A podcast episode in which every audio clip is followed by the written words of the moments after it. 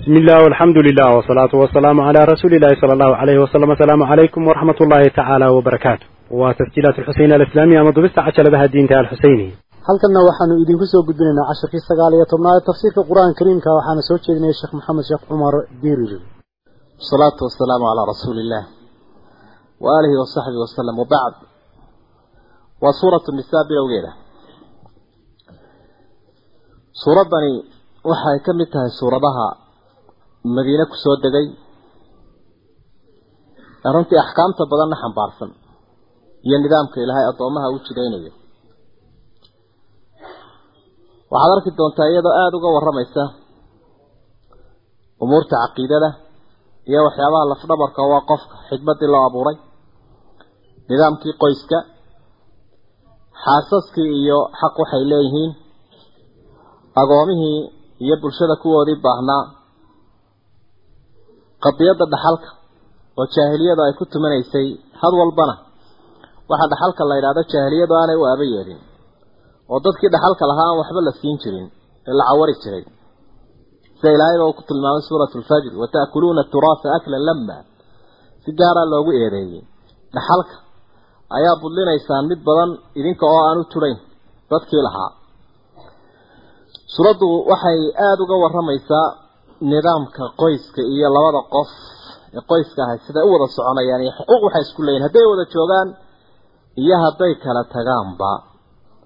Suuraddu waxay aada uga warramaysaa mar haddii la helo al-islaax adaakhili gudaha kol haddii la wanaajiyey bulshada dhexdeeda al-isticdaad lilkhaarij arrimaha dibaddana in la iska giijiyo oo wax gudahaaga aada hagaajisay hagaagiisaa ku joogi maayo haddii cadowga aan la iska tiirinin arrimaha jihaadkay ka warramaysa xukunka ilaahay iyo dadka ku kaalsoonaa waaye munaafiqnimadooday ka warramaysa. Cumuuman suuraddu axkaam aada u mug badan ayay xambaarsantay sidaa daraaddeed ayaa qofka muslimka ah inuu wax badan ka ogaada ay tahy suuraddan akhriyo tafsiirkeeda barto.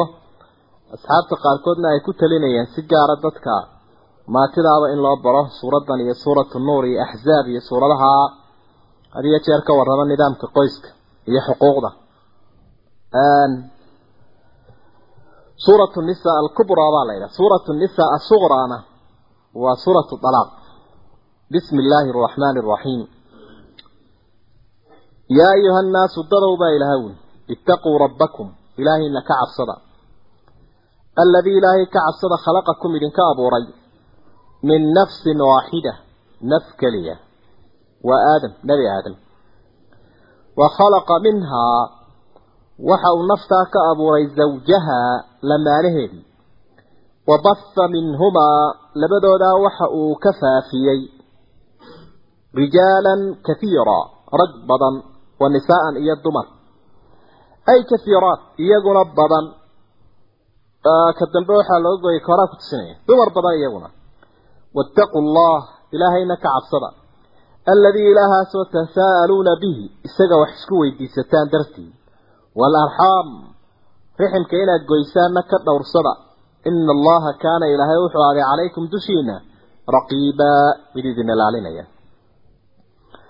yeermada yaa ayuha annaas inta badan waxaa ka dambeeya arrimaha tawxiidka oo ilaahay ummadda uu ka wacyigeliyo oo faro. Taasa had iyo jeer ku xigta yaa ayuha aladiina aamanuu yeermadaana inta badan waxa ka dambeeya in nicmada ilaahay uu ku baraarujiyo dadka mu'miniinta ah naftaa keliya sida ilaahay uga abuuray lamaanaheeda oo aadama waa kuwa culimmadu yidhaahdaa feedhiisaa laga jeexay. Waxay ka soo qaadanayaan xadiidka uu nebigu uhi calayhi salaatu wasalaam ruuxii dumarka ahayd waxa laga abuuray feer qalloocan. Halka u sarraysaana qalloocan. Qalloocaa haddii lagu wado waa la iska wadan.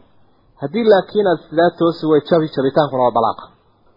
Badnaan baa ilaahay uu tilmaamay marka u horraysa kol haddii layidhi aadan baa islaan la'aan joogi waayo lamaano doonay.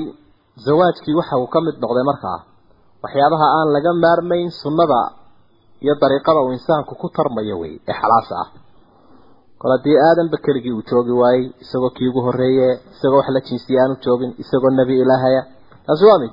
Muhiimadda guurku uu leeyahy islaamku uu dhiirigeliya in arki doono ayaa aayaddu tilmaamaysa raggaa iyo dumarkaa badan ee ilaahay uu badnaantooda si gaara u xusay. Waxa ay tilmaamaysaa kale ilaahay awooddiisa. Laba qura ayaa intaad aragtay maanta lix bilyan meelahaasaa lagu tilmaama lix kun oo milyan in dadka cadadkoodii uu marayo. Waa awoodda ilaahay tabaaraka wa tacaala. Ilaahay unbaa waxaasoo dhan soo saartay. Gogoldhig iyo tamhiid iyo madlacu lxusn waxa ay u tahay lamaanahan ilaahay uu xusay inay isku lamaayiin oo la kala abuuray labadani maadaamaanay kala maarmayn inaanay habboonayn inay meel iskaga dhacaan. Ama ay iscawaraan oo cidhbaha isgooyaan ma habboon ay col noqdaan. Laakiin waa inay noqdaan dad walaalo ahoo midibaka kale xaqiisa uu siiyo. Waxa haddaba rabbi uu ka hadlay. Bulshada kuwoodii baahnaa agoontii iyo masaakiintii siba agoontii. Waxa uu ilaahay yidhi wa aatuu siiya alyataama agoonaha agoonta. Waa laba iyo dhadig mid kasta ade waa ilmo yaro aabihii dhintay isagoon qaan gaadhin amwaalahum xoolahooda siiya. Markay qaan gaadhaan u dhiiba. Walaa tatabaddalu alkhabiisa ka xun. Ha ku bedelin oo ha ku doorinina biayibi kii wanaagsanaa. Biakhdi ayib oo kii wanaagsanaa idinkoo qaadanaya ka xun agoonka ha uga tegina. Ila ilaahay wuu inog yahay ama mood adduun xun ha ahaadeen iyo bagaash ama xoolo ha ahaadeen ama guri ha ahaadeen wixii waxaagiya wixii agoonkaadoo gacanta ku haya. Ka xun ha ku reebin baa ilahay uu ku leeyahy walaa ta'kuluu amwaalahum xoolahooda ha cunina agoonta ilaa amwaalikum iyadoo loo geynayo xoolihiina oo kaga dhex faa'iidaynaysaan oo intoo ku dhex gaddaan ku cunaysaan. Innahu arrinkaasi kaana wuxuu ahaaday xuuban dembi kabiiraa oo weyn. Waa dembi weyn arrintaas intood isku dhex gaddo ood isku dhex walaaqdo xoolihii iyo kuwii agoonka kuwaagi iyo kuwii agoonka inaad sidaa ku cawartood ku cunto waa arrin dembi weyna baa ilahay uli tabaaraka wa tacaala. Sidaasaanay tahay oo dee nimanka carabtu may siin jirin agoonta iyo dumarka dhaxalka waxba kamay siin jirin. Dhaxalkooday qaadan jireen kolkaasaanay sida aayadda soo socotaaba xusayso. Haddii hablahaas xoola ay leeyihiin oo agoon ay agoon ay yihiin markay qaan gaadhaanna kii gayaan u ahi. Iyada adeerkeed ama kuwa ugu dhowi dee iyaga aragtidoodii way iska guursan jireen. Adigu inantaa lagaga dhintay agoonta ah isagoo aanu dhalin wuu iska guursan jiray kaa waxay arkeen inay gayaan ahayd? Kolkaa iyadii iyo xoolaheediiba uu iska qaadanaya wuxuu siiye iska daayo meherna ma siinayo. Dabeed ilaahay baa waxa ui wain khiftum haddii aa ka cabsataan anlaa tuqsiduu fi lyataama agoomaha in aydaanu cadaalad samaynin. Agoontii masalan xoolaha lahayd ee inanta ahayd ee ninku uu guursanayo wey ee gayaanka u aha ila sharcigu wuxuu ogol yahay dumar gaara hune oo dumar aan gayaan hayn baa jira sida qaybaha aynu xagga dambe ku arki doono. Marka inanay dee ama ilmaadeerin ama uga sii durugsan agoono xoolaheedii u hayo isagu mas'uuliya weli uu yahay haddii uu qofkii doono inuu guursado ase aanu u cadaalad samayn una cadaaladii uu ka dhowrsado sidaa armale u cadaalad samayn kari weydaa. Fankixuu guursada baa ilaha wuri maa daaba lakum min annisaa wixii idin xalaala ee dumarka kale ah. Matalan agoontii xoolaha lahayd ee inanta tahay waa sida xadiidka bukhaari ku sugan caaisha radia allahu canha ay warinaysaa saa ku fasiray saasay ku fasiraysaa markii uu curwa weydiiyey. Waa qofkii oo inan xoolo leh ayuu hayaa agoona dabeedna wuxuu jeclaanaya inuu guursado markaa waxa la leeyahay oo la faraya inuu cadaaladda ilaaliyo xoolaheediina siiyo meherkeediina siiyo. Fankixuu maa daaba lakum min annisaa koladaydaan agoontii u cadaalad samayn karaynin dumarka. Wixii xalaal idiin noqda guursada waa dumarka kale. Maa daaba lakum wixii xalaal idiina aimada ah. qaarkood tafsiir ladiifa bay marinayaan oo kaa wehelinaya. Kaana waa lagu fasiri karaa. Maa daaba lakum waxa kaloo lagu fasiri karaa. Qofka idin cajabiya ama jamaalkeeda ha ahaato ama akhlaaqdeeda ha ahaato iyo diinteeda qofka dumarahe wanaagsan ee wixii loogu xilanaya leh. Mathnaa wa thulaaha wa rubaac laba laba saddex saddex iyo afar afar. Midkii doonaa laba guursado kii doonaana saddexa ka dhigo kii doonaana afara ka dhigo. Shardi baa ku xidhan. Fa in khiftum haddii aad ka warwartaan oo ka walaacdaan ragow allaa tacdiluu inaydaanu cadaalad samayn karaynin. Dumarkaa iyaga ah la wada guursanayo fawaaxidatan ama fawaaxidatun labadaba waa la odhan karaa mid keliya guursada aw maa malakat aymaanukum ama kuwa gacmihiinu ay milkiyeen addoomaha ku gaabsada mid unbaad guursan ama addoontaad iska haysan daalika kaasaa adnaa u dhowid badan anlaa tacuuluu inaydaan iilanin oo aydaan xaqa iyo sawaabka ka leexanin kaasaa u dhowid badan fawaaxidatun iyo fawaaxidatan labaduba waa jiraan quraada qaarkood baa waxay akhriyayaan tasaa'aluuna yatasaa'aluuna labadaba. Waalarxaami iyo waalarxaama waalarxaami haddii la idhaha miimka lahoos dhabo ilaahay baa wax isku weydiisataan. Qaraabadana waxbay isku weydiisataan. Waa rebel ilaahay dartii wax igu si qaraabada aynu nahay awgeedna wax igu si markaa markaa nasku waxa uu caddeeyey tacadudu zawjaat inuu yahay ama dumarkii in laba mid laga badiyo oo laba iyo wixii ilaa afar la guursan karo wax mashruuca sidaa ilaahayba uu ku xusay qur'aanka kariimka. Ah nabiguna calayhi salaatu wasalaam sunnadiisa uu ku caddeeyey. Marka ilaa afar baa ugu shisheeya waana runtii mushkilad ijtimaaci ah oo islaamku uu xalliyey mushkilad runtii dhibkeeda la weeye oo waxaa iska macruuf ah. Inta badan in ragga iyo dumarka dumarku bataan. Dumarku way bataan. Waana sida haalibka had iyo jeer mujtamaceennan ba haddaad aragto waxaa iska badan dumarka. Waaya iyadoo dumarkii ay raggii kaba badan yihiin oo taasi wax jira markii la diraaseeyey ay tahay ayaa haddana ragga laftigoodii aanay ahayn dar wax wada guursanaya. Mar walba waxaa iska dhacda. Dee ama aan waxba hayn oo faqri hayo oon dee masaariiftii hayn amaba mas'uuliyaddii ka daciif tahay intoodan soo hadhay qudhigeeda ayaa laga yaabaa rubuc ama thuluth inaanu guur xaggii u dhaqaaqayn. Idan markaa cidda loo cadaalad sameynaya ama la eegaya kuwa la qabo qura maaha ee islaamku wuxuu wada eegayaa kuwii la qabay iyo kuwii aan la qabin. Dumarkiina waxay wada rabaan in mid waliba gurina ay hesho ubadna ay hesho sayna ay hesho oo nicmada aanay ka qabin sida haddaba loo eegayo tan xaaska ah ayaa loo eegayaa ti iyaduna la soo lignayd ee gashaantida hayda joogtay iyana wada tixgelinaya saddex mid un bay noqon lahayd.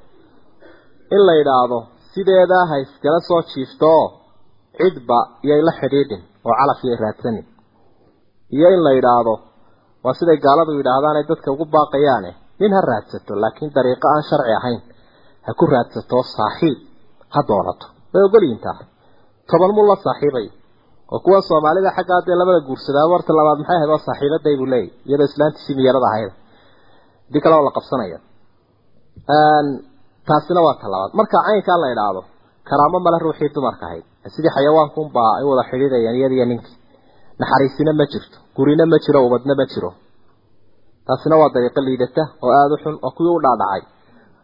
Xumaanteedii ay ka warkeeneen. Ta saddexaadna waa tan islaamku uu ku xalliyey arrintaa iyada. ah oo ah in qofkii mid iyo laba iyo saddex iyo afarba uu guursan karo.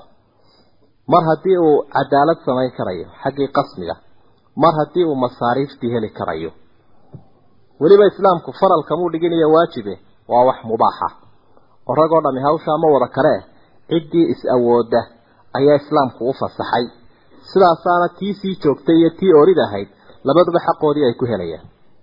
Waa mushkilad islaamku u xalliyay. Almaniya qoladan la ydhaha jarmalka ayaa markii dagaaladii koobaad iyo labaad ee adduunka dhimashadii ay ku badatay raggii ninkiiba waxaa ku beegmay saddex dumara xal waa loo waayay sidee la odhanaya marka runtii xalkaa islaamku mushkiladda iyadaa ijtimaaciga sidaasi u xalliyey waana wax dee qof indhaloo dhagala mooyaane qof kale aanu ka hor iman karin fain khiftum an laa tacdiluu fawaaxidatan aw maa malakat aymaanukum dalika adnaa an laa tacuuluu wa aatuu buu ilaha yidhi siiya annisaaa dumarkii saduqaatihina meherkooda nexlatan isagoo cadiyo ah cadiyo sharaf leh isagoo ah fa in dhibna lakum haddii ay idinka raalli noqdaan oo idiin saamaxaan can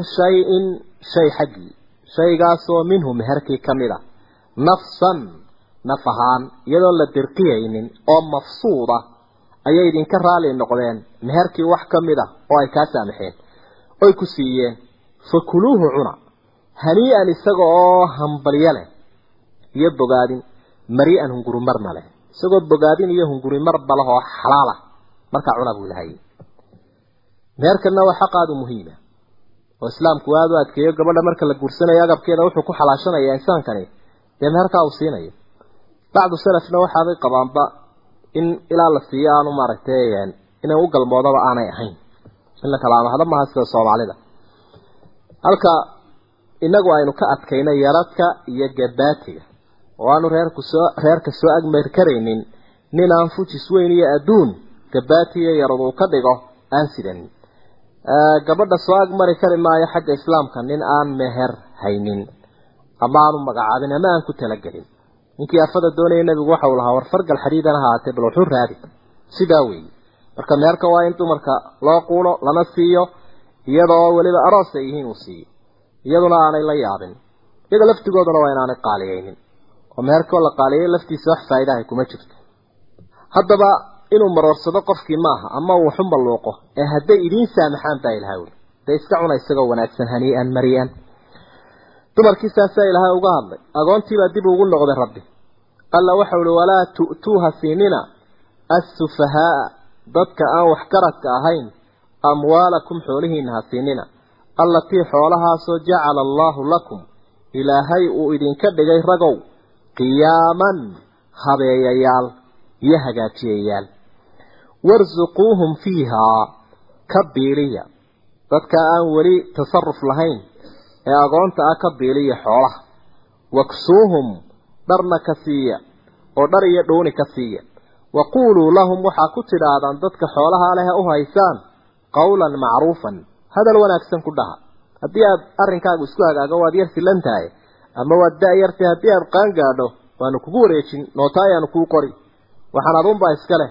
Waa lagu hagaajinayaa dee hala qanciyo qofki oo in la cawarayo wixii laga xogeeyo arka safiihuna waa kii ama mactuuha ahaa dee caqligiisa waxudhina ama waa qofkii naafada ahaa ee silanaa ama waa ilmihii yaraa ee aan qaan gaadhin waa qof aan wixiisii maamulan karaynin.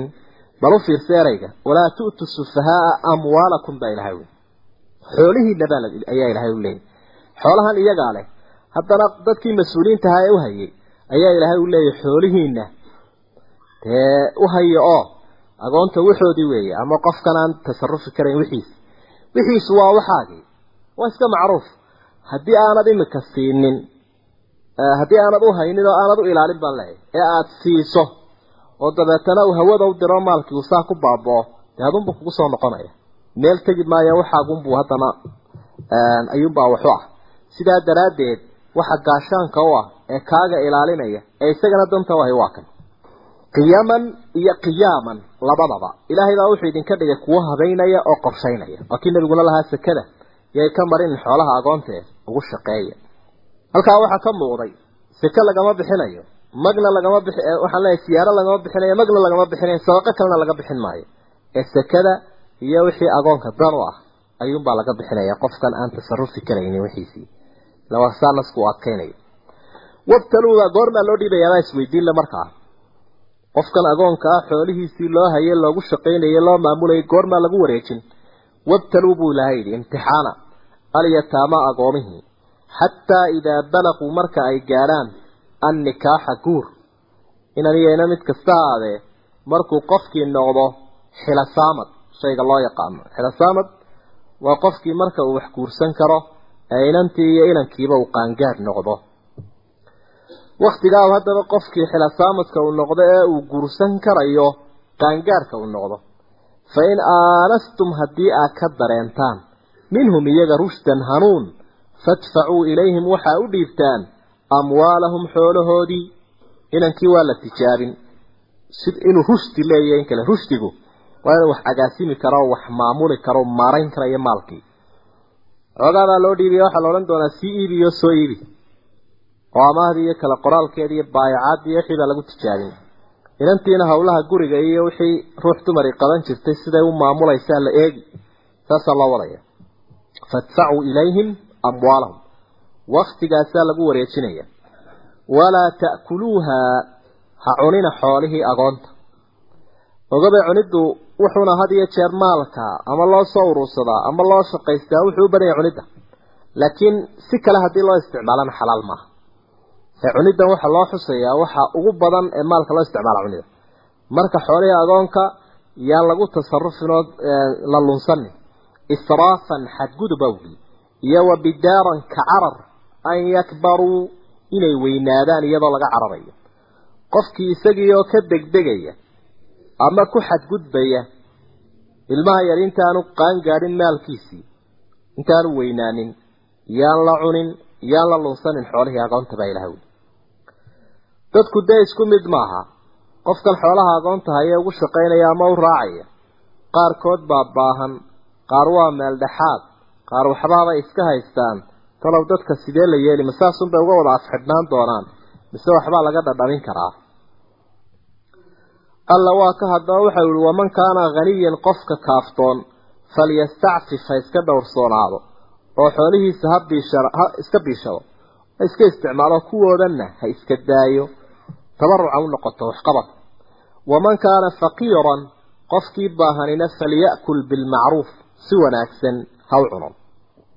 Si wanaagsan waxa uga cuno. Culimada fuqahadii waxa ay xusaan sidaa wanaagsani waxay noqonaysaa in aanu qofku ka badinin inuu ka yareeyo mooyaane. Ujratulmithliga shayga loo yaqaano.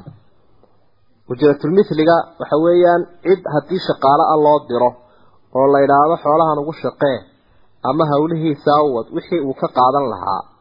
Inuu ka yareeyo mooye waa inaanu ka badinin macruufku waa nasku saasu qaacidadaasu dhigay. Kolkaa wixiisi wuu ugu shaqaynayaa waxna wuu ku cunayaa ka cuni doonaa uu ka dheefsanayaa laakiin waxaan dhib ku lahayn waa inuu yahay. Fa idaa dafactum ilayhim amwaalahum marka xoolahoodii ku tistaane u dhiibtaan fa ashhiduu calayhim markhaati u sameeya. Ilaa insaanku waa iska noocyo badan yahay asalku wuxuu ahaa inaad waxaan adigu haysa hadduu ku soo ashkateeyo oo idhaahdo wixii ii hayuun baan ka rabaa dee laguguna ogaa ase adigiina aada u dhiibtay waa lagu yeelan markaa si aada gashigaa uga baxsato markhaati baa jira. Ila xilwareejin baad samaynaysaa wa kafaa billaahi xasiiba ilaahay baa xisaabiye. Cid walba ugu filan. Wa kafa allahu xasiiban. Marka ciddii wax isweydaarisay isagaa ogsoon haddii adigu aanad waxba khaldina isaguu ku dulmayo ilaahay baa ogsoon. Kollayba laakiin dadaal oo wixii waajiba mar. Saasaa markaa ilaahay intaasoo aayadoodba wuxuu kaga hadlay xoolihii agoonta ama miyi ha joogaan ama magaalo mood iyo nool mid kasta ha ahaadeen waa in agoonka wixiisa aada u ilaalisaa sidaad waxaaga u ilaalinayso. Ogsoonaataana dhowridda aada u dhowraysa maalkiisa kaagii aada dhowraysa un inuu yahay haddii ila wixiisani ka farabaxaan adigiina weli iyo mas'uulaad u tahay adu xilku ku saaran yahay oo nafaqadiisa ay kugu waajibaysa waxaa haddaba ilaahay uu ka hadlaya dhaxalkii iyo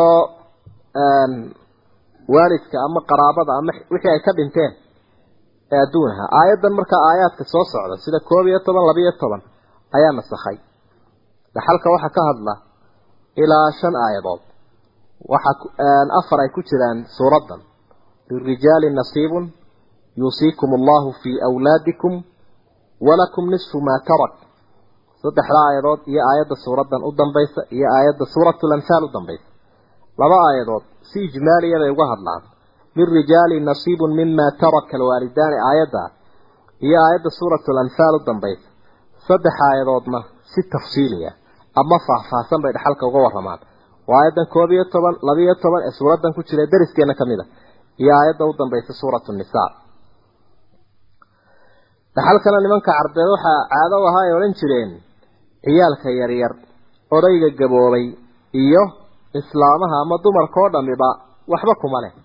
Maalinta ragga maalinta la soo weeraro reerka ama beesha inta gaashaanqaadka ah ee waranka qaadanaysa ee cadowga sutida u qabanaysa intaasunbaa wax leh. Laakiin kan kale dee muxuu muxuu meesha la taagan yahay mar haddaanu cadow difaacayn wuxuu soo kordhinayaana aanu jirin. Waxba ma laha. Sababta aayaddan iyo aayaadka dambe yuusiikum allahu fii awlaadikum ba ay ku soo degeenaa dhaqankii nooca ahaayoo dadka qaarkood ay dooneen inay dabiqaan bay ahayd bay leeyihiin culimada qaarkood. Sacd bnu rabiic radia allahu canhu saxaabigaas waxa uu ahaa asxaabtii ku shahiiday uxud wuxuu ka tegay xaaskiisi iyo laba hablood waxa soo daahiray oo dabeetana yimi hablaha adeerkood markuu muddo mootanaa ee intii uu ka tegay adduunahaa ayuu doonay inuu iska dareersado. Sidii caadadu ahaydeen hablaha iyo dumarka waxba loo siin jiray. Islaantii waxay soo kaxaysay labadii hablood. Nabiga u keentay calayhi salaatu wasalaam waxay leedahay saacadee isagoo kula socduu shahiiday. Labadan hablood iyo anigana waa naga tegey. Labadan habloodna adeerkoodna wuu yimi isaga oo doonaya inuu qaato wixii adduunaha labada habloodna cidi guursan mayso. Dee wax lagu jecsibo oo la raaciyo. Haddii aanu maaragtay aanay wadanin. Oo sida dhaqankan hindidu ay tahay hablaha ayaa dee gabaatiga laga bixiya beriga horan sow saasay ahayd dhaqanku ahaa. Marna ninka laga bixiyaa marna gabadha. Gabadha laga bixin jiray. Taana waan kuu sheegay bayt iyadoo yaabsan kolkoo dhaga taagaysa nabigu calayhi salaatu wasalaam bal ilaahay baa xukumi buuri aayaadkana markaa ilaahay uu soo dejiyey. Dabeetana iyada iyo hablihiiba xaqoodiibaaba la siiyeyba oo loo cayimayba. Marka dhaxalkuna dee waa midh aada iyo aada u muhiimo. Markuu qofku dhinta ee wixii hawlah iyo duyuuntii iyo agabkii macnaha wixii sharcigu fasaxay laga bixiyo. Iyo daynta iyo dardaaranka aynu arki doonno waxa lagama maarmaana in la qaybiyo. Dadku mushkiladeena dhaqankee jirtaa waxa weeye waxay odhanayaan dadku yuu inala yaabin oo aan la moodin inaynu dhaxalka dadejinayno oo kii dhintayba kamay nixina intaan weli lafihiisiiba kala tegin bay ku yaaceen. Maalkii yaan layna odhanine reer hebel ay isku jireen ayay odhanayaan. Xoogaa marka la joogana geesaa la yeelanaya. Waxaanuu cunay iyo hebel baa kiradii qaatay iyo hebel baa u taliyey. Dadkiiba way isnaceenba. Hadday dadkan wax isugu jirayaan oo sidaasi wanaagsan tahay ilaahay baan dhaxal ka soo rogeen laakiin sida dantooda iyo doorkooda uu yahay waa wixii in la qaybsado. Qof walibana wixiisi xor u noqdo kii dee rashiid ahe wax hagaajinaya oo dabeetana wixii qofkii wuxuu doonaya uu ka bixin karo siduu doonaya uu tasarufi karo. In la kala qaybiyo ayaa saxa iyada oo dumarkana aan la cawarayn. Waxaa inaga mi iyo magaalada iska dhacda. Malaha iminka way soo yaraanaysaa in la yidhahdo dee gabadhu reer bay u dhaxday carruur u leedahay waxna yarada iyo gabaati yaradna nagamay siinin. Marka xoolaanu ka sugayna ma xoolaanu ugu darayna.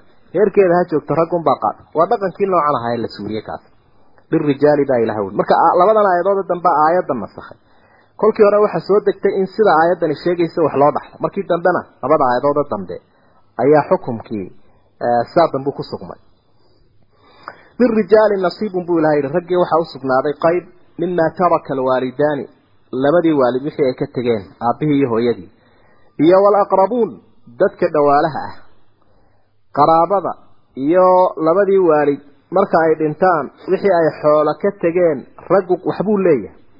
Walinisaa'i nasiibun. Dumarkuna waxay leeyihiin qayb.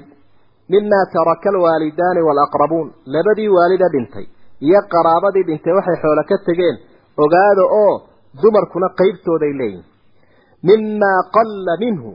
Wixii yar ka mida maalkaa aw kahura ama bata ama ha yaraado ama ha bato nasiiban mafruudan isaga oo qayb la cayimay ah markaa berigaa hore dee nasku wuxuu tilmaamayaa un in waxun la kala qaato. Aimada qaarkoodna waxay leeyiin aayaddu si ijmaaliyahun bay u sheegtay. Aayadahan dambena si tafsiiliyah oo faahfaahsan. Markay isma nasakhayaana way isdhammaystirayaan oo ragguna qayb buu leeyahay dumarkuna qayb bay leeyihiin wixii qaraabada iyo waalidkuu ka dhintay xoola ah qaybtay kala qaadanayaanna wax la iska malamalaynaya maaha waa tan ilaahay uu yihi nasiiban mafruudan labadan aayadood koob iyo toban iyo labiyo toban ku jira. Mimaa qalla minhu aw kahura maryihiisiina ha ahaatay iyo kabihiisi. Innaga wuxuu maalmaha horunbaa dabeetana ninkii hebel siba dumarka u badnaato ama qofkii hebel rag iyo dumar mid kasta haatee dharkiisii ha laynaga qariyo. Iyo wixii isaga ka muuqan jiray. Dabeetna waxaaba laga yaabaa alaab qaaliyaba in dadkii maydhay iyo kuwii soo agmaray iyo loo dhiidhiibo la kala siiyo. Ilaahayna wuxuu leeyahy mimaa qalla minhu aw kahura wixii xoolo ahaa ee uu ka tegay dharkiisiiba ha ahaadee. Agoonta la dhaafin maayo waa loo xoolayn. Ila huu dheerkaba waa la iibsadaaye marka qofkii sadaqa doonayaana dee intuu iibsadaha u celiya agoonta waidaa xadara alqismata baa ilaha wuli meesha wax lagu qaybsanayo marka ay goobjoog noqdaan ulul qurbaa dadka dhawaalaha ah walyataamaa agoomaha walmasaakiinu kuwa baahani kolka ay meeshii wax lagu qaybsanaya yimaadaan. Farzuquuhum minhu farzuquuhum wax ka siiya minhu maalkaa waquuluu lahum waxaa ku tidhaahdaan qawlan macruufan hadal wanaagsanna ku dhaha. Waxaa yimi goobtii dhaxalka lagu qaybsanayay. Dadaan markaa dhaxalka wax ku lahayn ase ah ilahay wuxuu ihi farzuquuhu minhu xoogaa baa loo dhiibaya cawri gas baa la siinaya. Qowlka macruufka ahina waxa weeye in la qanciyo la yidhaha hebelow hebel baa ku xijaabo kaa hor joogsaday. Haddii aan hebel joogi lahayn dhaxalka waxbaad ka soo geli lahayd. Waa qayb alleh dee intaa qaatoo raalli ahaada dabeetana iska qancana iska tagaan marka wax siiya ka arsaaq oo qayb uga garta aimada waxay u badan yihiin jamaahiiru lfuqahaa inay sunno tahay. Amarkani waa amru nadbi amru lwujuub bay leeyihiin waayo ficilkii nebiga marka loo noqdo calayhi salaatu wasalaam may soo aroorin. Dadkan qur'aanku u cayimay mooyaane iyo dee axaadiistu inta ay u cayintay mooyaane. Dadkaa kale dhaxalka ka qabay ee la xijaabay in wax la siiyey oo dee loo gartay may jirin. Macnaha waajib ahaan. Sidaa daraaddeed waa sunne. Dadka markaa odayaasha ah iyo cidda dee takaafulkii iyo iska warhayntii bulshada alla waxau uhi walyakshaha ka cabsadeen aladiina kuwii low tarakuu min khalfihim xaggooda dambe hadday kaga tagaan duriyatan dicaafan carruur yaryar ubad yaryar hadday ifka kaga tagaan khaafuu calayhim u cabsan lahaa falyattaqu llaha ilaahay ka cabsadeen. Waliyaquuluu ha yidhaahdeen qawlan sadiida hadal wanaagsan oo toosan ha yidhaahdeen. Aayaddu waxay la hadlaysaa qofkii dardaaranka goobjooga u ahaa. Markuu qofku sii dhimanayay dhegaystayaashii dardaarankiisa dhegaysanayay ayaa aayaddu la hadlaysa. Marka ilaahay waxau ihi qofka carruur yaryar leh ee hadduu ifka kaga tago isagu u cabsan lahaa. Marka uu dardaarankii dhagaysto hadal wanaagsan ha soo gudbiyo oo bulshadii ha soo gaadhsiiyo oo taa macnaheedu waxa weye qowl sadiida ha yidhaahdo. Dee qowl munxarifahoo liitoo dadkii iska hor keenayuu odhan. Ilaan kuwan hebelkan dhintay uu ka tegey wuxuunay la mid yihiin kuwiisana u cabsan lahaaba macnahaas waa mid. Waxaa kaloo lagu macneeyey qofkan la dardaaraya nasku uu toosinayaaba inuu yahay kan sii dhimanaya. Markaasaa ilaahay waxau uhi waliyaksha aladiina law tarakuu min khalfihim duriyatan dicaafa ha cabsadeen oo allaha ka cabsadeen kuwa xaggooda dambe iyo ifka hadday carruur yaryar kaga tagaan u cabsanaya. Ilaahay ha ka cabsadeen oo hadal wanaagsan ha yidhaahdeen. Hadalkaa wanaagsan oo ah wax walba sidii ay ahayd un inuu sheego hadduu wax dardaarmayo wax sax ha ahaado hadduu cidda inu qirayo wax sax ha ahaado hadduu gabadhiisa wax u qirayo mid uu qabay ha ahaado oo mid ha ahaato mid dee uu furay yaanay noqonin hadal toosan oo sharcigu ogol yahay waa inuu yidhaahdaa. Marka labada qoloba in aayaddu ay la dardaarmayso ayaa nasku maaragtay aimada qaarkood ay kufasi aimada ay ku fasirayaan. Ina aladiina kuwii baa ilaahay uri ya'kuluuna amwaala alyataama. Marka tan lagu soo laba celiyey aayadda hore aan kugu celiya macnaha walyakshaha cabsadeen aladiina kuwii low tarakuu hadday ka tagaan min khalfihim xaggooda dambe adduunyada ah duriyatan dicaafan carruur yaryar hadday kaga tagaan khaafuu calayhim u cabsan lahaa kuwaa carruurta yaryar u werweri lahaa ilaahay ha ka cabsadeenoo walyaquuluu qawlan sadiidan. Dee hadal toosan ha yidhaahdeen. Ubadkan uu ifka kaga tegay ee u werwarsan yahay iyo ciddii kale dhaxalka wax kule yuu u kala eexanin yuu u kala eexanin hadalkiisu mar walba mid saxaado ina aladiina yaakuluuna buu ilahay yihi kuwa cunaya amwaala alyataamaa xoolaha agoonta dulman gardarro ku cunaya inamaa yaakuluuna fii butuunihim caloolahooda waxay u cunayaan naaro naar bay ka buuxinayaan caloosha waxay u cunayaan naar wasayaslawna saciiraa waxaanay geli doonaan dab holcaya ayay geli doonaan marka wixii la cunaba caloosha loo cunaa dabcan laakiin ereygan oo la raaciyo akliga wuxuunu tilmaamayaa un cunitaanka qofkan inuu foolxun yahay. Ama in si kayru caadiya u cunay. Waar hebel waxaasuu cunay. Waniyo siduu u cunayaabay ilaahan dadku macalooshu waxaan u cunayaa. War waxa macalooshaad u cunaysaa macnaha maxaad ka badsanaysaa wey tasarufkii kalena waa la mid uun marka dhibaatadaasuu leeyahay maalkii agoonku in aada looga feejignaadaabaa laga maarmaana ilaahay haddaba waxa uu ka hadlay dhaxalkii welibana carruurta dhaxalkoodii dhaxalka ayaa asbaab leh.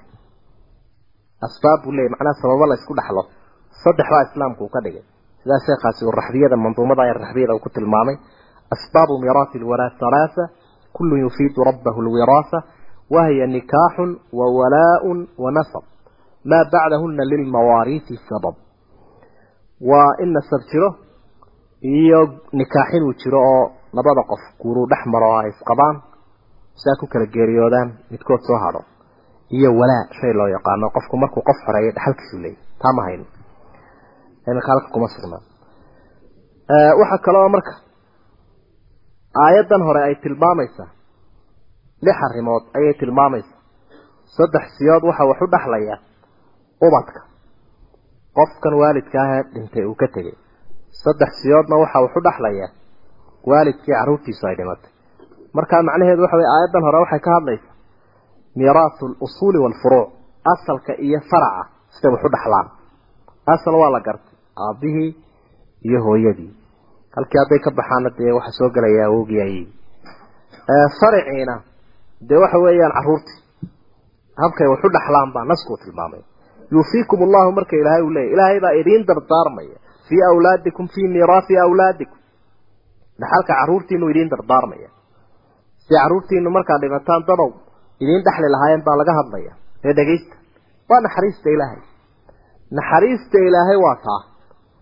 Waalidkii oo naxariis badan baa loo dardaarmaya carruurtiisa ilaahay baa uga sii naxariis badan qofka asalkiisii faraciisada lidakari baa. Ilaahay uri kii labaa waxa u sugnaaday mithlu xadi luntayayni laba dhadig dheeftood ayuu leeyahay masaladaasi waxa weeye qofkii uu dhinto inamiya habluu ka tegay inankiiba laba qori buu leeyahay inantiina hal qori bay leedahay. Waa iska macruufo dee ilaahay baa yaqaana qof waliba waxa uu istaahiliyo markuu munaasibka ku yahay.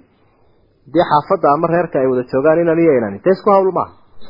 Haddii la soo hoydo yaa loo hoyanaya ma inanta ma xagga buulkaa la maraya mise xagga ardaaga? Waxaa la maraya xagga ardaaga reerka iyaa rag joogaa laleeyahy dabeetana hebel wixiisiibuu ka loogaya ama uu goyntii ka bixinaya ama kaaladii uu ka bixinaya magac kasta ha loo bixiye. Sidoo kale haddii dhibaata ay timaado ama wax la difaaco isagiibaa xilkii uu saaran yahi inanta iyada xilma saarno. Kullu dalik waa iska macruuf inuu ka hawl badan yahi inanku. Inanta. Fain kuna markaa masaladaasi saasay wax u dhexlayaan laba inan buu ka tegey iyo afar hablood way kala qaybsanoo laba afarta hablood baa dhan isu raacay labada inana dambe fain kunna haddii ay yihiin nisaa'an dumar fawqa thnatayni laba ka badan. Labadiina way ku jiraane ogow. Falahunna hablaha waxa u sugnaaday thuluthaa maa tarak. Qofkan dhintay wixii uu ka tegey saddex meelood marka laga dhigo laba. Ayay leeyihiin hablahani. U dhintay wuxuu ka tegey labadiisii hablood ayuu ka tegey marka xoolihii saddex meelood baa laga dhigaya. Laba meelood waxaa qaadanaya hablaha meesha kalena ciddii qaraabo ah walaal adeerkii iyo dadkii kale qaraabada ah ee casabada la yidhaahdo ayaa qaadanaya. Meeshii inamaan joogin ee habluun baa jooga saasuu dhexalkoodii noqday. Hablahaasina waa laba iyo wixii ka sii badanba saddex meeloodow laba ayay qaadanayaan. Meesha kalena casabaa qaadanaysa. Waa laba masalaynu haynaa wain kaanat haddii ay tahay waaxidatan inan keliya. Waarisada ta dhexlaysaa waaba inan keliya. Falaha nisfu kala badhun bay leedahay. Wuu dhinto inantiisiiyo quru ka tegey xooli labaa loo kala jebinoo barh bay inantu leedahay. Barhka kalena tolkaa qaadanaya xigtada kuwa ugu soo dhow dhow ayaa qaadanaya. Marka waa saddex masalo. Inamiyo hablaa isku jira ama waa hablo badan ama waa inan keliya. Saddexdaasaad haysa laakiin laguma sheegin markii inan qura u ahaa ama inama faqad ay ahaayeen laguma sheegin. Iyadoo waa macruufo hadduu inan keliya yahayna xoolihiibu wada qaadan. Hadday inama dhowra yihiinna dee waa isleegaysanoo waa iska qaybsan casabaa la yidhaahdaayo iyagoo ama wadartay wada qaataan ama baaqiga soo haray si siman u qaybsadaan raggaas marka caruurtii oo waalidku ka tegey waalidku aabbihi hooyo mid kasta ha ahaadee sidaasay wax u dhaxlaan. Saddexdaa masalaa nasku xusay oo uu sheegay oo waa qoladii qadarka cayiman loo sameeyey kuwan kalena ama waa baaqi sugayaal ama wuxuunay qaadanayaan waa raggii ama wixiiba maalkiiba wada qaadanayeen falaha nisf waxaynu markaa ka baxnayn halkaa kaga gudubnay caruurtu waalidkoodu dhintay sida wax u dhaxlaan. Siiba markay habla yihiin. Ama habla iyo inama isku jira. Miiraasul usuul baynu marka gelayna ama habka ay wax u dhaxlaan waalidku aabbihii iyo hooyadii qaacidana iska sido qaacidadaas oo ah marka la sheegayo aabbo ama marka la sheegayo walad wuxuu no waxaan u yahay uun ka dhintay.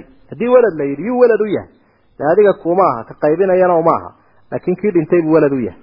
Haddii la yidhaahdo aabbo iyo hooyo yuu aabbo u yahay ama yuu hooyo u yahay dee ka dhintay. Xaggaa ula kac oo dhinac kale ha ula kici wali abaweyhi baa ilaahay ui labadiisii aabba waxa u sugnaaday qofka dhintay qofka dhintayna labiyo dhadig midkuu doonaya ha ahaado. Labada aabbee la sheegayana waa odaygii iyo islaamtii.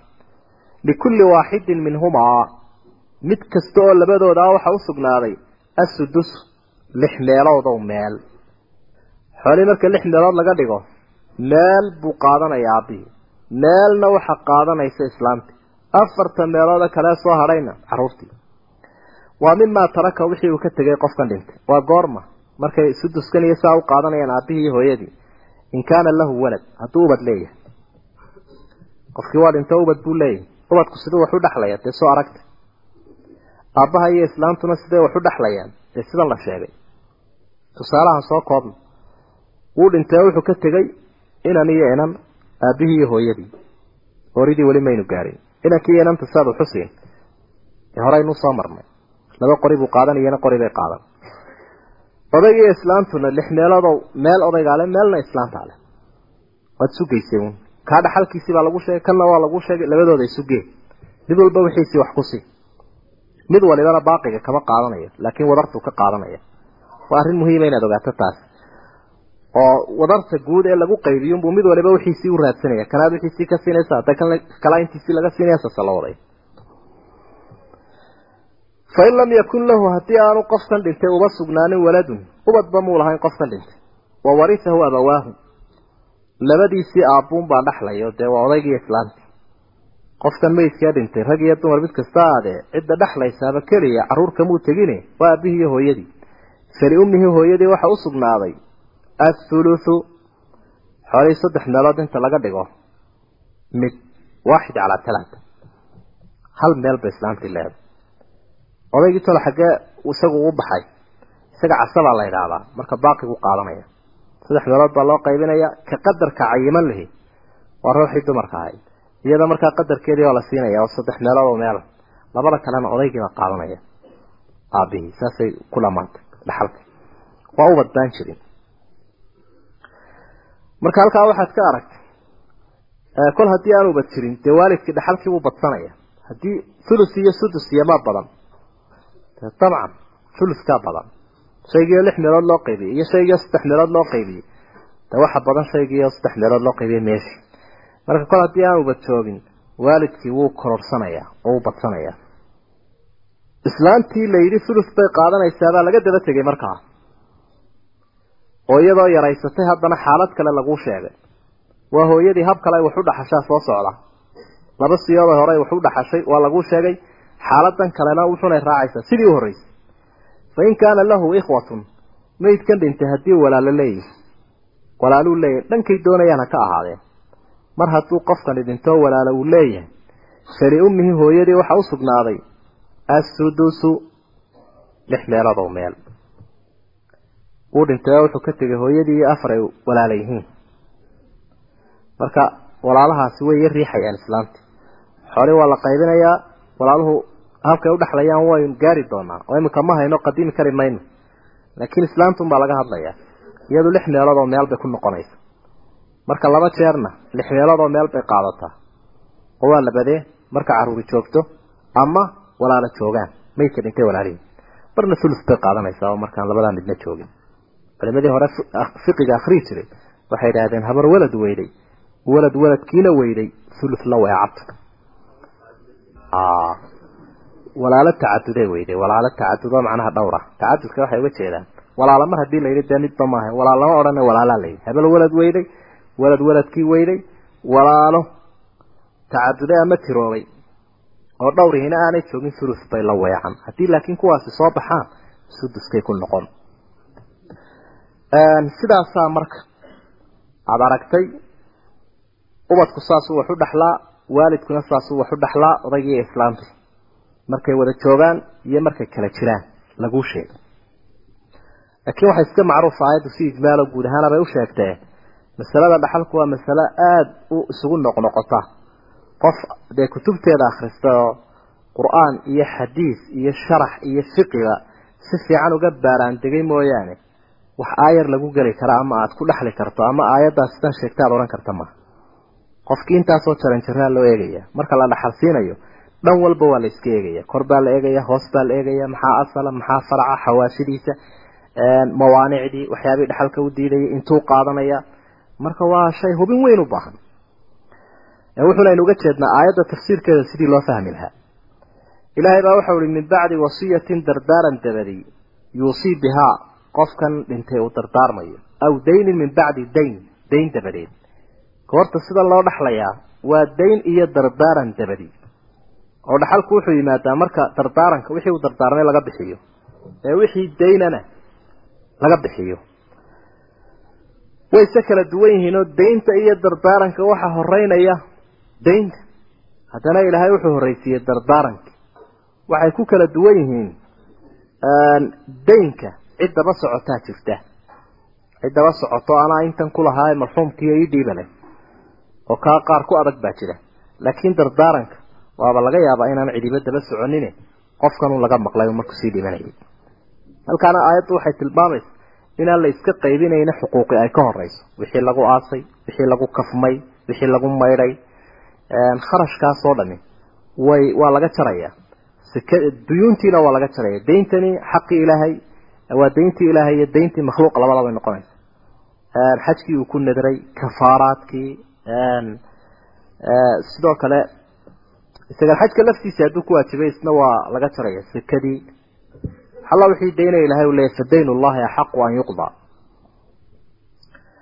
Ummaddan ilaahay uu qanciya wuxuu ihi aabaa'ukum aabbayaashin iyo wa abnaa'ukum ubadkiina laa tadruuna garan maysaan ayuhum kooda aqrabu lakum nafcan. Idiin dhow xagga dheefta. Xagga dheefta mid idiin dhow garan maysaan. Ee kan ka riixoo kan ku riix oo kan wixii u sugo kan ka deerifee taasiyo imanin fariidatan min allah. Farada allahu fariida. Ilaahay baa go'aamiyey go'aamin xaggiisa ka timi. Ina allaha kaana caliiman xakiima. Ilaahay baa wax walba ogsoon oo fal suuban oo shay walba meeshiisa dhiga oo aan midna meeshii ku habboonayd la sheegayn aayaddan soo socotaana waxay ka hadlaysaa miiraathu alaswaaj waalxawaashi ayay ka hadlaysaa. Labadii isqabay habkay wax u dhexlayaan iyo walaalihii xagga hooyo dabcan maydkii xagga hooyo kala walaalayiin qofka dhintee iyaguna siday wax u dhexlaan miiraahu alaswaaj wa bacdi alxawaashi xawaashida qaarkood. Xawaashida waxaa looga jeedaa kuwa hareeraha ka xiga oo sideedaba dee qofka marna asalkiisii ka hooseeyey baa ka sarreeyey baa dhexlaya marna faracii ka hooseeyey marna dadka xawaashida ee hareeraha kaga xeeran waanay kala duwan dadku. Xagga dhaxalka marka laga way kala miisaanrooyin matal dadka qaarkood baa la xijaabaa oo mararka qaarkood xujb ayaa ku yimaada oo la hor joogsadaa qaarkoodna waxooda waa automatic oo si cajiiba u soconayaana marna lama hor joogsado masalan aabbaha hooyada iyo awlaadda. Macnaha inamadiisi iyo hablihiisii qofkuu dhalay. Sawjka iyo zawjada. Lixdaa iyaga lama hor joogsado oo xujbu shaksi kuma dhaco. Xujbu sifa mooyaane macnaha dhaxalka kama bixi karaan lixdaas. Waa lixdan labada aayadood ay ku bilaabeen. Laakiin dadkan kale awowgii iyo ayeydii iyo walaalihii iyo in badan baa la xijaabaa. Dadka dee xijaabana kollay sheegidooda wakti bay u baahanaysa cidda ka miisaan rooni markay timaado way ka baxayaan dhaxalka walakum waxaa idiin sugnaaday baa ilahay uhi raggiiow markay idinku ifka ku soo hadhaan nisfu maa taraka aswaajukum ooryihiinu xoolihii ay ka tegeen barhkood in lam yakun lahunna walad haddii aanay ubadba lahayn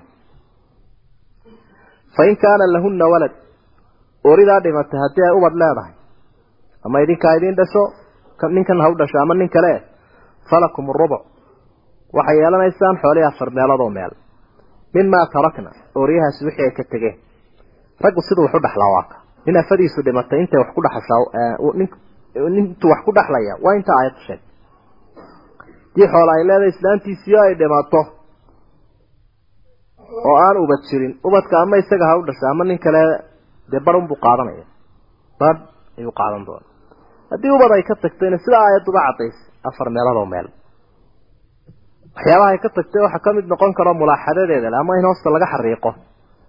Meherkeedii waxa la dhexlay unbu ku jiraa ogow magteedii iyana waa caynkaas. Magtii waxa isku qabsada un qoladii ay ka dhalatay iyo iyo kuwa u dhaxday sooma dhacdo. Kuwana waxay leeyihiin annagay naga dhalatay. Kuwana waxay leeyihiin dee odaygii iyo carruurtii baa meesha jooga annagay noo dhaxay laakiin sharcigu gabadhu kol haddii ay ninna leedahay carruurna leedahay magteeda wuxuunoo iska leh ninkeeda iyo carruurteeda. Hadii uu caam uu meheriye inaan u dhasho ay dhimato konton halaad laga soo dareeriyo soconaya dee odayguna rubucun buu qaadanaya talaasatu arbaacana inankunbaa leh tolkiina dee way dhaqaajin uun wax ninku wax uga garta mooyaane. Haddii iyadii ay wax magtii lagu yeeshana tolkii unbaa lagu leeyahy ninka iyo carruurta waxba laguma leh walaw kaana diinu walaw kaana diinu biraa'i waatay isaga qiyaasanayda war in gabadhani hadday wax disho sowna laguma yeesheen dee xoolaheediina annagaa leh. Caliy ibnu abi aalib waxa uu kuleeyahy walaw kaana diinu biraayi lakaana asfalu kufi awlaa bilmas diintu hadday caqli ahaan lahayd dee caqliga waxbaa lagu wadi lahaa oo qofku xaggan hoose inuu kafta ka masaxaday ahaan lahayd boorka. Lakin xagga saraha laga masaxaday. Waa mulaaxada waxyaabaha had iyo jeer mushkilaadka mujtamaceena jira. Itaal kastaba hala adeena inaynu baraarujinaa waa muhiim. Taasi waa nin afadiisii dhimatay subax hadduu caawa meheriyo islaanta oo intaanay is aragba ay dhimato meherkaasi waa istraatiiji waxbuu ku dhexlaya meherkaasi. Meherkaasi waa meher cajo badan oo yaanay sarkinba gabadhii laakiin xoolaheedii nuskiisii buu leeyahy kol haddii inantii iyada ahayd.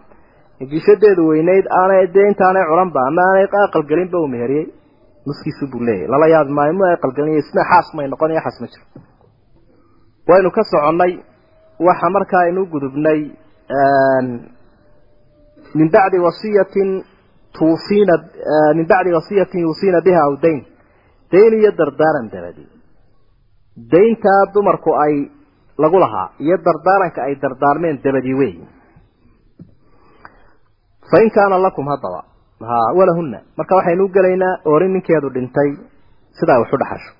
Orin marka la leeyahayna meherun baa ugu xidhnaa. Haddii meher ugu xidhan yahay oo uu ka dhinto waa leedahay un dhaxalka. Cadad bixin dee asaydiina way qaadaysa. Meherkeediina way leedahay walow yaan marka hore meherka looba magacaabina yahbut bilmowt geeridu ku sugmaya. Waxaa la mid a iyaduna haddii uu furay ase aanay cadad bixin. Gabadha muctadada la idhaahdo ee ciddada tirsanaysaa isagoo furay ase aanay cadad bixin. Hadduu dhinto dhaxalkii way leedahay. Asaydina way qaadaysa. Waa mas'uulooyin kolley farci aada u badan. Walahunna waxa u sugnaaday ooriyihii laga dhintay. Alrubucu xoolihii afar meeladoo meel. Mimaa taraktum wixii a raggiiniiy ka dhimateen ila kolle waa tegaysaane in lam yakun lakum walad. Haddii aydaan ubad lahayn. Ninkii hadduu dhintoon ubad lahayn ooridiisiina soo hadho xoolihii rubuc bay leedahay. Yaan lala yaabin. Oon la odhanin afadan laga tegey ee ninkii ka dhintay ee aan carruuriba joogin rubuca siday ku heshay. Ha odhan ilaahay baa siiyey. Taasi waa mid fa in kaana lakum walad haddii ubad leedihiin oo nin ka dhintay ubad ka tegey falahunna thumun. Waxay yeelanayaan oorihii ama islaantii uu ka dhintay sideed meelood oo meel mimaa taraktum wixii xoola ka tagteen. Wixii xoola ka tagteen. Waxaa lala hadlayaa kan qofkan isaga adoo nool baad geeri ku xukumantay marka kolley waad dhimanaysaa ee kolkaa dhaxal ay noqoto iska soo qaad inaad dhimatay. Ile kolley waad dhiman doontaa marka sida aad ku xisaabtamaysa waa nooca. Afadii ninkeedu dhintay ama rubuc bay leedahay. Afar meelood oo meel ama thumun bay leedahay sideed meelood oo meel hadday afa keliya tahay waa sidaasun hadday afar yihiin ama hadday saddex yihiinna waa saas. Midkaasun bay wada qaadanaya. Tusam waxaa lagu magacaabaa daraat isku yar cidhiidhaya waa dangalooyin oo dano badan baa ku kala jiro. Ninkiina uu ka dhexeeya dhaxalkiina uu ka wada dhexeeya ogobay hinaasuhu ma sahlana inay hinaasaan.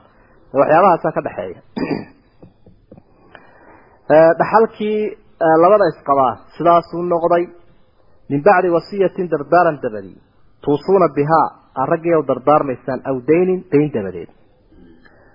Intaasaynu kaga baxnay. Waxaynu gelaynaa haddii qofkuu dhinto dar ay walaala yihiin. Oo xagga hooye un ay ka walaala yihiin uu ka dhinto. Sidee wax u dhexlaan laba siyoodun bay wax u dhexlaan labada siyoodna waa sidan la sheegi doono.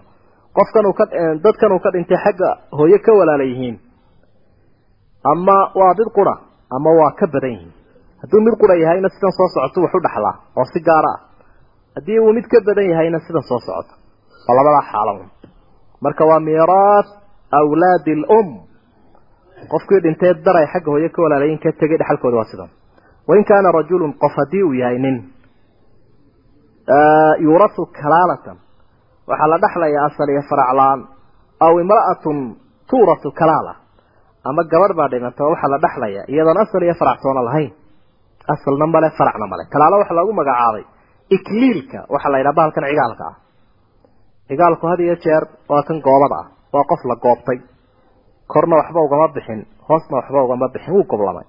Marka qofki hadduu gobla noqdo asalna lahayn faracna lahayn ase uu walaala leeyi. Dalaayaddu ay sheegayso dhexalkiisu waa sidan. Walahu akhun aw ukhtun. Walaal lab buu leeyahy ama walaal dhadig. Dabcan xagga hooyana ay ka walaala yihiin falikulli waaxidin minhumaa. Mid kastoo labadoodii wuxuu leeyahay sudus lix meelodow meel ayuu leeyahay marka uu dhinto wuxuu ka tegay akh xagga hooye ay ka walaalayihin waa sudus. Ama uu dhinto wuxuu ka tegay ukhto xagga hooye ay ka walaala yihiin waa sudus. Labadooda wada jooga maaha falikulli waaxidin baa lagu uhi mid kastaaba markuu gaarkiisa u taagan yahay sudus buu leeyahy fa in kaanuu haddii ay yihiin walaalahan xagga hooye qofkani ka dhintay aksara min dalik intaa hadday ka badan yihiin. Oo macnaha ay yihiin laba iyo wixii ka sii badan. Fahum shurakaau fi thuluth thuluthkay wadaagsanayaan xoolibaa saddex meelood loo qaybinayaa meel bay isku qaadanayaan. Shurakaa haddii la yidhina waa darsiman lidakari mislu xaddi luntayeyn uma qaybsanayaan iyagu. Way wadaagsanayaan oo inankii iyo inantu way isleegaysanayaan oo meelaha qaarkood ba rag iyo dumarkuba isleegaystaan dhaxalka sida walaalahan xagga hooye oo kale. Marka hadduu mid yahay qofkani sudus buu leeyahy garata haddii ay laba yihiin ama ay ka sii badan yihiinna saddex meeloodoo meel bay leeyihiin taa waa la fahmaa filay fa in kaanuu aksara min dalika hadday ka badan yihiin mid oo laba ay yihiin ama ay ka sii badan yihiin fahum iyagu shurakaau waxay wadaagsanayaan fi thulu thuluthkan thuluskuna waa waaxid mid la duldhigay saddex saddex meeloodoo meel ayay yidhahdaan soomaalidu saddex qori qori kaasay markaa lidakari mislu xadilunsayin lama odhan shurakaau baa leyi min bacdi wasiyatin yuusaa biha aw dayn dayn iyo dardaaran dabadeed hayra mudaarin iyada oo aan lagu dhibayn ama aanu dardaarankaba ku dhibayn qofkan dhimanaya qofkan dhimanaya waa inaanu dardaaranka waxba ku dhibin. Daynta uu soo sugayo waa inaanu cid ku dhibin. Wasiyatan min allah yuusiikum allahu wasiyatan min allah waa dardaaran iyo amar ilaahay xaggiisa ka yimid. Wallahu caliimun xaliim. Ilaahay baa wax walba ogsoon dulqaad badanna dulqaadkiisu ilaahay wuu badan yahay. Marka sidaasa aayaadkii dhaxalka runtii oga warrameen asal iyo farac iyo labadii isqabay iyo walaalihii qaarkood. Saasaa rag iyo dumarba xaqoodii loo siiyey. Sidaas aayaddu ay adkaynayso in loo ilaaliyuunbay tahay. Kollaybana dee saynu hore isugu ogeyn. Waxaa ka fiican malaha in la fahmo ayaa ka muhiimsan in laba maqro la dhammaystiro. Intaasaynu ku dayn caawo wallahu aclam